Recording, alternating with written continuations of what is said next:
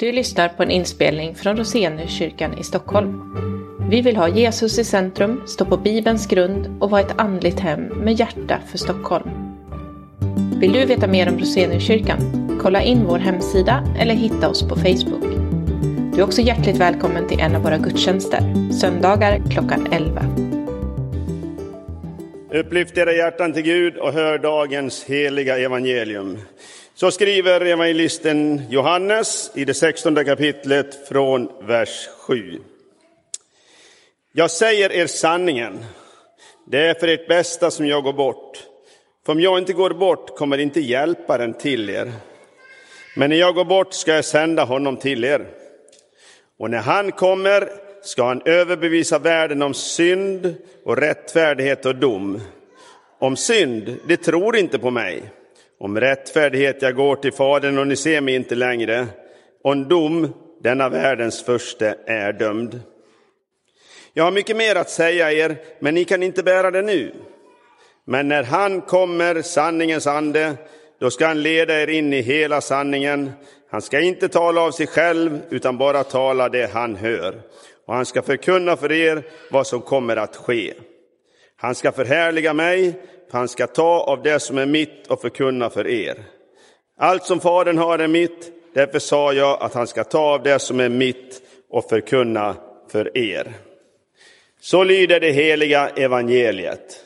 Lovad vare du, Kristus.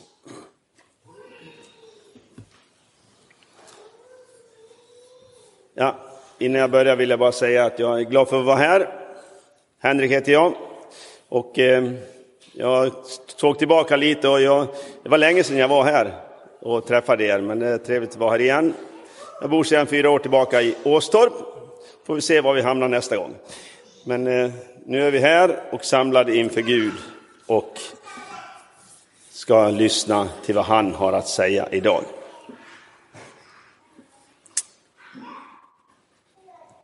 Vad skulle hända om anden helt plötsligt försvann och lämnade oss? Lämnade församlingen, föreningen, kyrkan. Skulle allt fortsätta som vanligt? För vi kan ju det här med att vara kristna. Vi vet hur det ska gå till. Vi är ledda och fyllda av anden. Och... Eller skulle allt rasa ihop på grund av det tomrum som skulle uppstå när han lämnade oss? Herre, kom och förklara ordet för oss. Kom och ge oss det vi behöver, du som känner var och en av oss. Kom och fyll oss med din heliga Ande. Du ser vad du har gett mig under förberedelsen, Herre. Låt det bli till välsignelse. I Jesu namn. Amen. Ni som har följt med har kanske märkt att texterna mellan eh, påsk och pingst talar mycket om anden. Livgivaren, hjälparen, Jesus i oss. Ja, kärt barn har många namn, brukar man säga. Och det är han som får vår tro att växa. Men lika lite som vi förstår vårens under, även om vetenskapen kan förklara hur det går till, så förstår vi hur det går till när andens eld dels bränner bort det gamla, dels låter det nya spira i våra liv.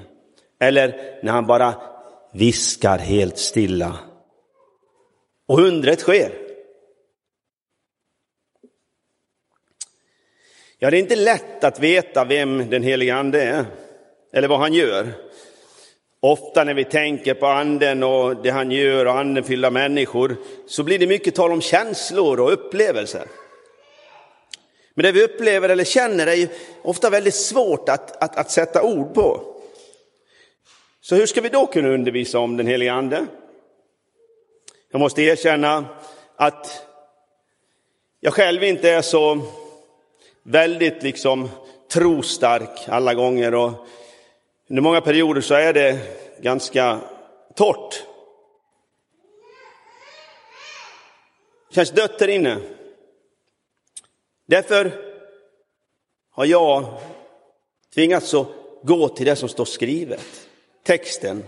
Det som står skrivet i de olika texterna om den heliga ande och det blir nog bäst så. Jag tycker vi ska läsa orden igen och höra dagens text.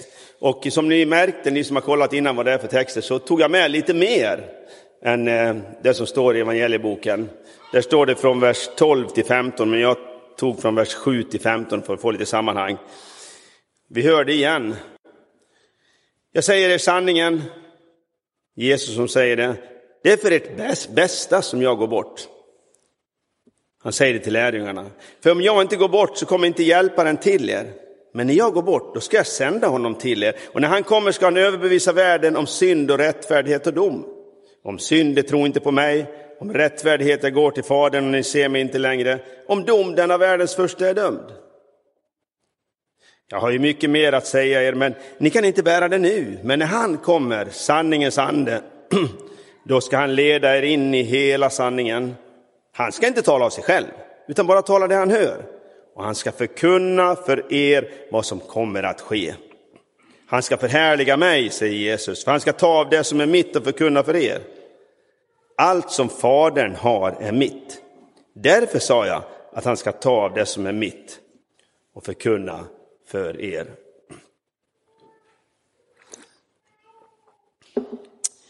Vem eller vad, eller vad man ska säga nu, är anden? Jag skulle säga att för det första så är det lite svårt att svara på. För han är lite blyg. Han är ju Jesus manager. Det är Jesus som ska synas. Det är Jesus som ska bli stor. Det är andens huvuduppgift. Därför, exempel i den biskop Bo Giertz bok om anden så kallar han den boken för den okände anden. För liksom, får inte riktigt grepp om honom. För det andra så är inte anden en den. Han är en person. En av personerna i gudomen.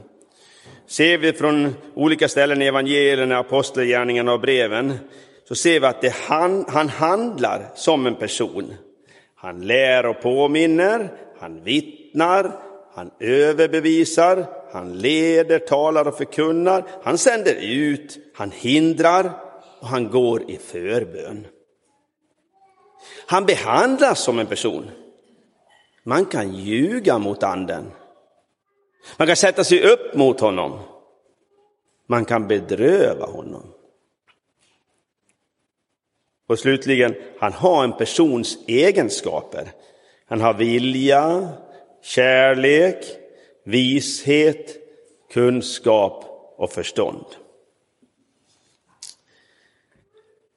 Men ser vi genom historien så har det liksom inte riktigt ändå utformats någon väldigt tydlig lära om anden. Det skrivs massor av böcker om anden, men liksom inte någon jättetydlig lära om anden i, i, i, i liksom genom historien. Och det kanske beror på att han är en person, men också en levande kraft som kan vara lite svår att fånga i trosatser. Kanske det är så att vi begränsar anden genom att ha för mycket läropunkter om honom. Han är verklig Gud, men han är liksom inte hög och upphöjd, utan den som verkar i oss, verkar bland oss, ogripbar, men som Jesus säger, ändå kännbar som vinden. I bekännelsen som vi kommer, som vi läst, står upp och bekänner varje söndag så säger vi, jag tror på den helige ande. Han verkade i en helig allmännelig kyrka som är det heliga samfund. Där ger han oss syndernas förlåtelse, kroppens uppståndelse och ett evigt liv. Hur många av er har lärt er förklaringen till den tredje trosartikeln? När ni konfirmerades? Ja, det går liksom en gräns där. Har man passerat där liksom 50, ja då har man kanske lärt det. Men är man yngre så kanske man inte lärde sig den vid konfirmationen. Luther säger där, man ska ju frågor och svar i lilla katekesen. Vad betyder det här då? Jo, jag tror att jag inte av mitt eget förnuft eller egen kraft kan tro på honom eller komma till min Herre Jesus Kristus, utan den helige Ande har kallat mig genom evangeliet, upplyst mig med sina gåvor, helgat och bevarat mig i den rätta tron. På samma sätt kallar, församlar, upplyser och helgar han hela kyrkan på jorden och bevarar den i Jesus Kristus genom den rätta tron. Och i denna kyrka förlåter han dagligen mig och alla troende alla synder. Och han ska på den yttersta dagen uppväcka mig och alla döda och ge mig och alla som tror på Kristus evigt liv. Det är visst och sant. Lade ni märke till något? Det stod inte så mycket om vem han var, men det stod väldigt mycket om vad han handlar, vad han gör i oss, i kyrkan, i församlingen, i Guds folk. Han är en handlingens man.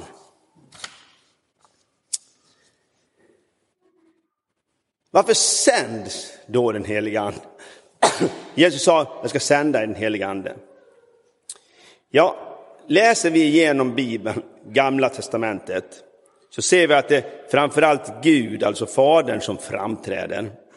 Han talar, han agerar. Men vi som ser i backspegeln upptäcker att Jesus finns med också där. Till exempel som Herrens ängel som går framför dem. Och att även en tredje person finns med. Till exempel när det talas om visheten så talas det om visheten som en person. Eftersom ingen kan se Gud och leva måste det även i Gamla testamentet finnas någon som i treenigheten som kan vara nära. Uppenbara budskapet, möta ansikte mot ansikte med människor. Men först i NT, i Nya kommer Gud nära på riktigt genom Jesus och tar kroppslig gestalt. Det är inte så att Gud är någon gubbe uppe på ett moln som vi inte kan greppa, utan han är inte långt borta från vår vardagliga verklighet. Utan precis som Jesus så finns han här. Han fanns där, lika nära som din bänkgranne, lika nära som din närmaste vän.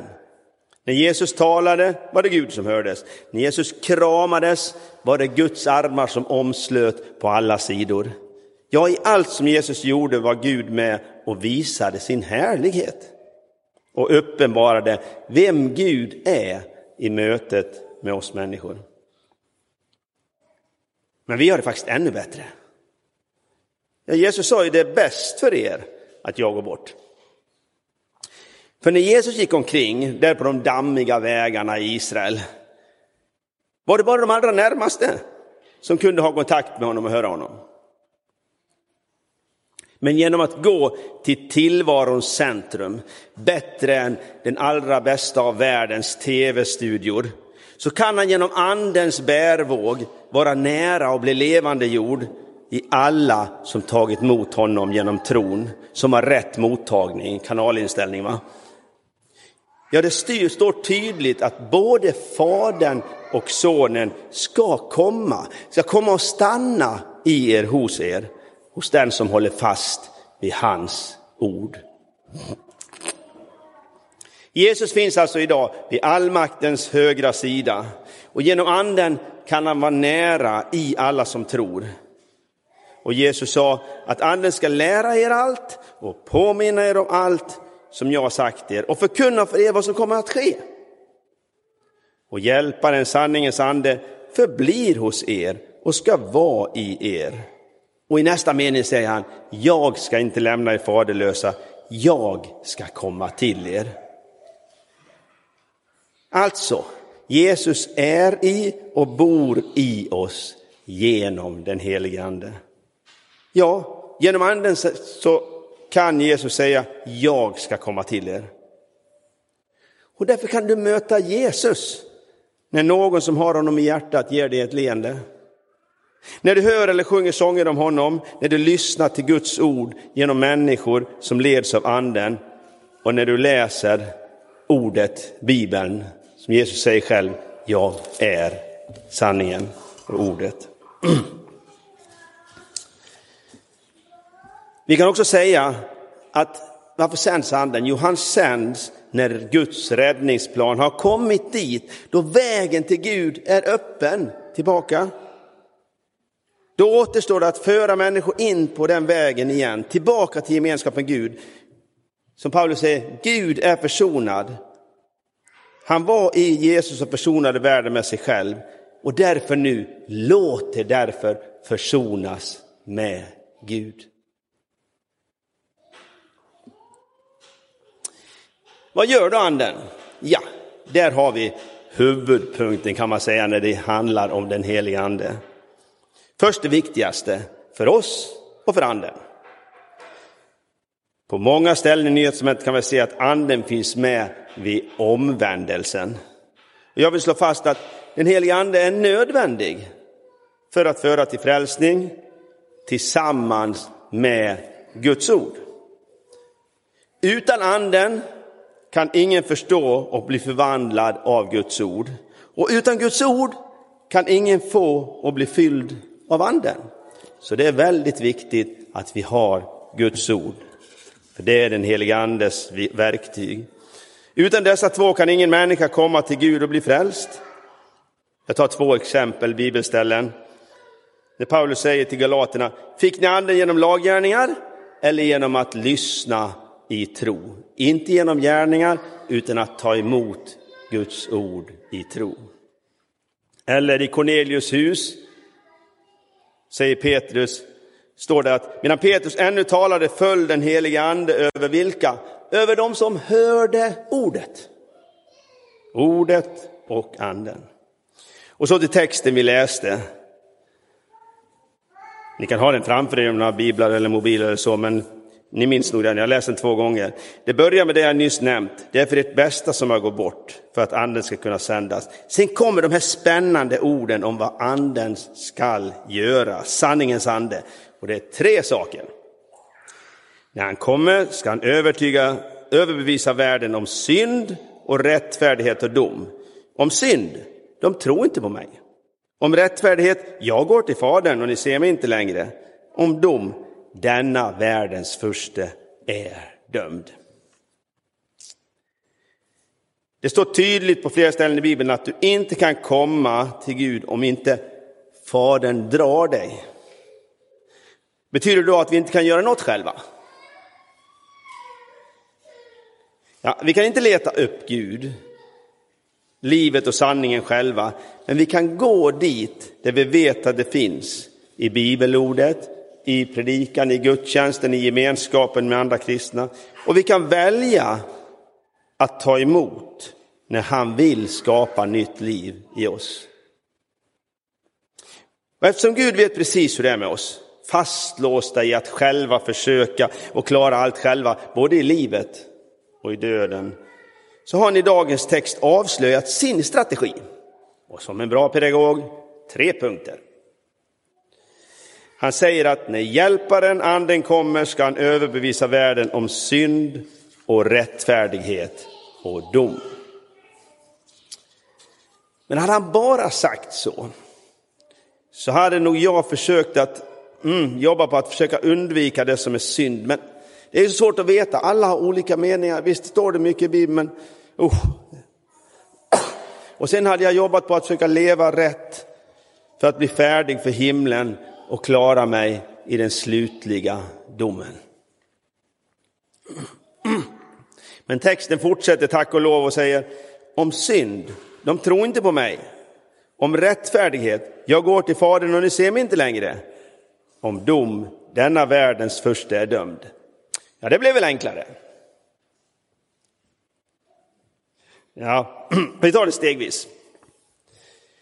Först visar alltså anden hur det är ställt med dig och mig, med oss och världen. Överbevisa om synd.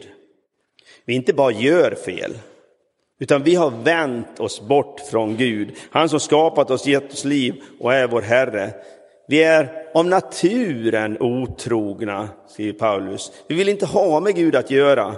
Vi följer vårt eget förnuft, våra egna känslor. Och vi kan inte ta oss tillbaka till Gud av oss själva. Det avgörande är att vi inte tror på Jesus.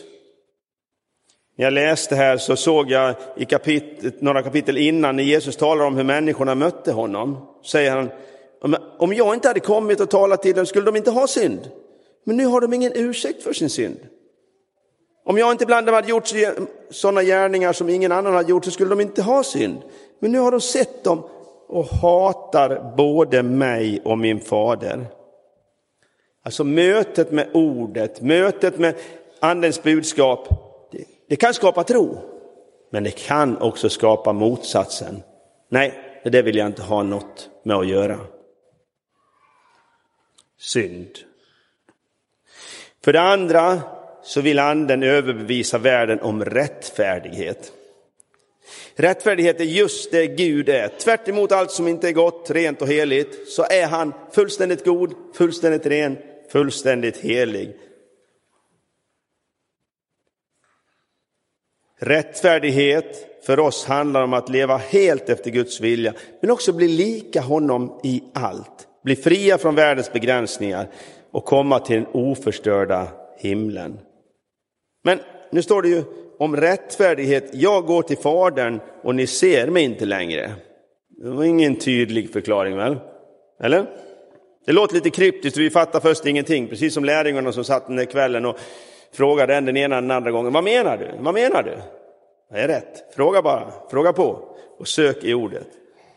Men just det att Jesus går till Fadern är beviset för att han har segrat över synden, ondskan och döden och att han har satt sig på allmaktens högra sida. Och om han, som står över allt, om han är vägen, sanningen och livet, ja då är ju vägen öppen till befrielse från allt som binder. Från de jordiska begränsningarna, från allt ont, från synden, från döden. För var och en som tror. Jesus kan nu förklara oss rättfärdiga det hebreiska ordet sadik betyder den som har rätten på sin sida inför domstolen. Tänk att kunna stå inför domstolen och veta, jag har rätten på min sida. Därför är andens tredje uppgift att överbevisa om dom. Denna världens första är dömd. Ja, redan i allra första början här i Eden fick den onde domen över sig att få huvudet krossat. En tydligare dödsdom får man leta efter. Men den onde vill få med sig så många som möjligt in i döden som en självmordsbombare. Och varför gör han det då? Han vill göra Gud så stor sorg och smärta som möjligt och få med så många som möjligt av dem som Gud älskar. Detta är kärlekens största smärta, möjligheten att välja bort det goda, välja bort kärleken och glädjen. Kärleken tvingar ingen och Gud är kärleken.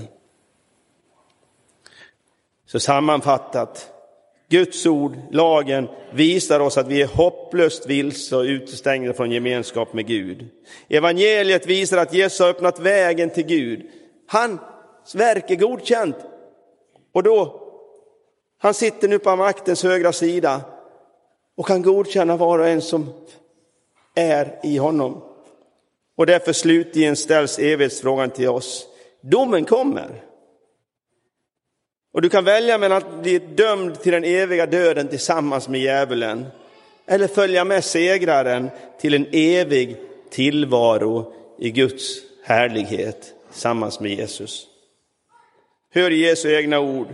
Gud har inte sänt sin son, alltså Jesus, till världen för att döma världen och dig, utan för att världen ska bli frälst och du ska bli räddad genom honom. Den som tror på honom blir inte dömd. Men den som inte tror är redan dömd eftersom han inte tror på Guds enfödde sons namn.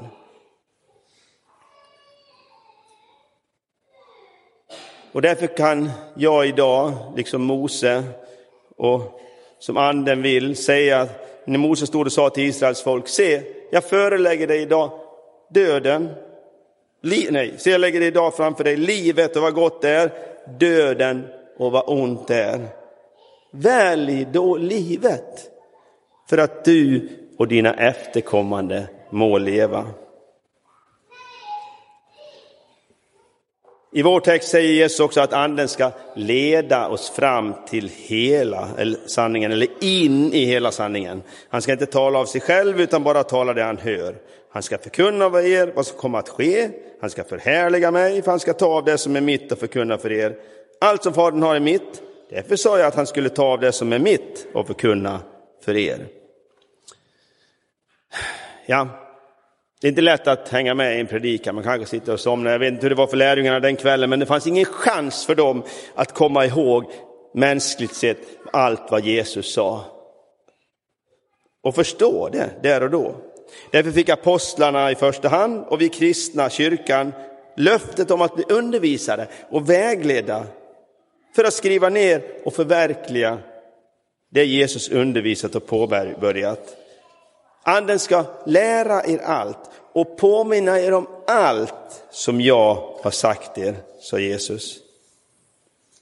Därför har vi Guds ord, Bibeln, nedskrivet med vanliga mänskliga bokstäver på vanligt mänskligt språk som vi kan förstå. Sen kan vi också, om vi ser på kyrkans historia, kyrkans vittnesbörd, lära oss hur anden använder och tolkar det här. Och också idag har vi löfte om att bli vägledda av anden genom ordet. För det står, när hjälparen kommer som jag ska sända er från Fadern, sanningens ande som utgår från Fadern, då ska han vittna om mig. Och också ni ska vittna. Alltså, anden vittnar till oss när vi läser hans ord och han vittnar tillsammans med oss, genom oss, när vi får vara Kristus eget brev till världen. Vi hörde också i löftet att anden ska förkunna för er vad som kommer att ske. Vi har mycket i Bibeln som talar om det kommer att ske. Inte bara domen utan saker som sker innan. Det är inte lätt att förstå. Men profetian, anden vill hjälpa oss att förstå också framåt. Men hur ska vi då tänka om profetior som dyker upp? Ja, jag brukar säga så att eftersom andens huvuduppgift är att peka på Jesus, så om inte andens verk, profetian, förhärligar Jesus, då ska vi vara lite försiktiga. Men förhärligar Jesus visar att då kan vi ta emot det. För andens verk är att upphöja och ära, men också låta Jesus vara nära. Och slutligen kommer jag till hur får jag då anden och blir fylld av anden och blir ledd av Guds ande? Ja, man får ju höra ibland den frågan, men hur, hur, hur får jag den heliga ande? Men den frågan hittar vi inte i Bibeln. En kristen som har tagit emot har anden. Till och med i Korint, en församling som mm, inte var en sån direkt mönsterförsamling, är det självklart att de har anden. Paulus säger, er kropp är ett tempel för den helige ande som bor i er, som ni har fått av Gud. Och ändå har han jättemånga saker som han inte riktigt är nöjd med där. Fantastiskt. Men när får vi då anden? Ja, det finns olika perioder i kyrkohistorien. En period var man väldigt noga med de olika stegen i nådens ordning. Först händer det, och sen händer det, och sen kommer det, och sen kommer det. Men Eh, jag tror att det handlar mycket om att vi får gåvorna samlade. Det står, ni har tvättats rena, ni har blivit helgade, ni har förklarats rättfärdiga i Herren Jesu Kristi namn och i vår Guds ande. Och på ett annat ställe, men när Gud uppenbarade sin kärlek till oss människor frälste han oss genom ett bad till ny födelse och förnyelse i den helige Ande, som han rikligt utgöt över oss genom Jesus Kristus. När det talas om de här sakerna så är det liksom som en stor säck med paket som vi får liksom allt ett. Och i detta, vill säga, tron och dopet är centrala. Ta emot. Och i dopet så får vi de här gåvorna. Får vi motta det även när vi inte förstår själva. Anden hänger ihop med ordet och dopet och det får vi. Sen står det också många ställen att låt er fyllas av anden. Då handlar det om det som redan äger anden, har fått anden, som är döpta och tagit emot Jesus. Att vi ber om att han låter oss fylla, att han låter fylla oss med sin kraft, sin vishet, sina frukter och gåvor. Den som lever i Guds närhet, som det står i början av apostlagärningarna, de levde liksom i Bibeln, i ordet, i gemenskapen, bröderna, i bönerna, och i sakramenten i, i nattvarden, de förvandlas av anden och bär frukt. Och till den församling som Gud får ta hand om ges gåvorna så att de blir till nytta. Andens gåvor är liksom inte något jag ska hålla upp här, utan det ska bli till nytta för församlingen. Frukten har en sann kristen, men vi uppmanas att be om andens fullhet och hans gåvor. Och när galaterna, Paulus skriver till dem, när de har brist på andlighet så uppmanas de inte att söka efter andliga upplevelser. Nej, Paulus pekar på evangeliet, vad Gud genom Jesus har gjort för oss. Så andefyllda människor, vad är det? Jo, de ser målet som det viktigaste. De ser sig själva som, mm, som syndare, ibland stora syndare. Svaga och ödmjuka i sig själva, kanske mer utsatta för frestelser, men vinner seger över frestelserna i andens kraft. Vittnar om Jesus, talar gärna om andliga saker, får kraft, får lida, har ett levande bibel och böneliv. Och ett ord står det, berusar inte med vin, låt er istället uppfyllas av anden så talar ni till varandra med salmer och hymner och andliga sånger och sjunger och spelar för Herren i era hjärtan. Det är inte alltid det hörs, men det kanske märks. Och för den som leds av Guds ande visar Bibelns bud och förmaningar vad Gud genom anden vill göra och gör. Ni har kanske hört bilden för, jag har tagit den för. Det är som när ett barn, man säger till det, kom upp i min famn. Och så lyfter man upp det. Hur mycket gör barnet för att komma upp i famnen? Ja, det är liksom det är med på det, för någon har sagt till dem, det är det här jag vill göra med dig. Han lyfter mig, han leder mig. Han talar genom mig, han kramar andra med mina armar och händer. Och jag får följa med, inte som en viljelös docka, men som ett sprudlande, sprattlande, glatt barn. Sitta här på axeln, se det han ser. Han visar mig världen och hjälper mig att möta den. Men jag vill avsluta med den första och viktigaste delen av andens uppgift, att föra människor till tro. Det får vi som andefyllda människor vara hans medhjälpare. Dela med dig av din tro. Låt människor få möta Guds ord, andens verktyg, genom ditt liv. Genom dina ord, genom ditt vittnesbörd och din gudstjänst. Och när ordet finns med så kan också uppmaningen till omvändelse komma. Som det står i en sång som jag har sjungit många gånger. Och när ordets nycklar öppnar en sluten hjärtegrind tar vi ett steg åt sidan så att Gud kan släppas in.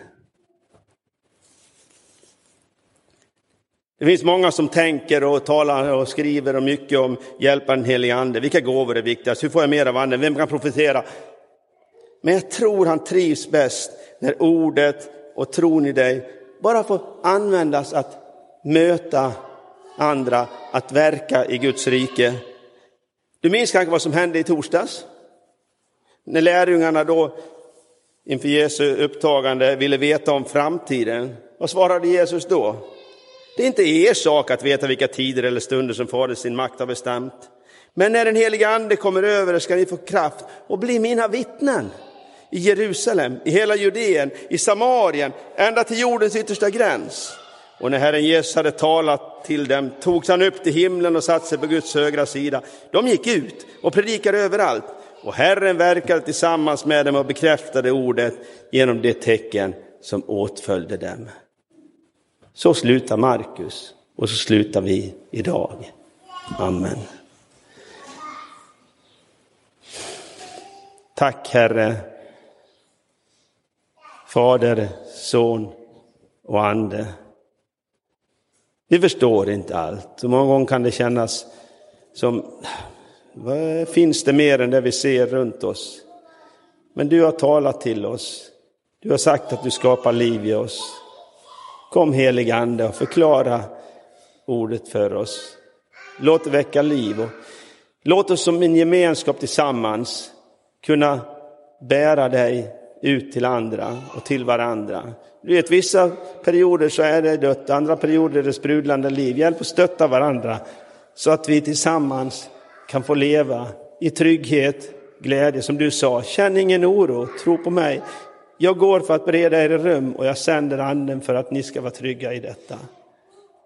Herre, hör vår bön när vi ber detta och välsigna oss, var och en här. Bara du kan skapa liv och du kan skapa tro. Och driv oss ut, Herre, att möta vardagen, människorna och att fler ska få lära känna dig. Både här och ute över vår värld. I Jesu namn. Amen.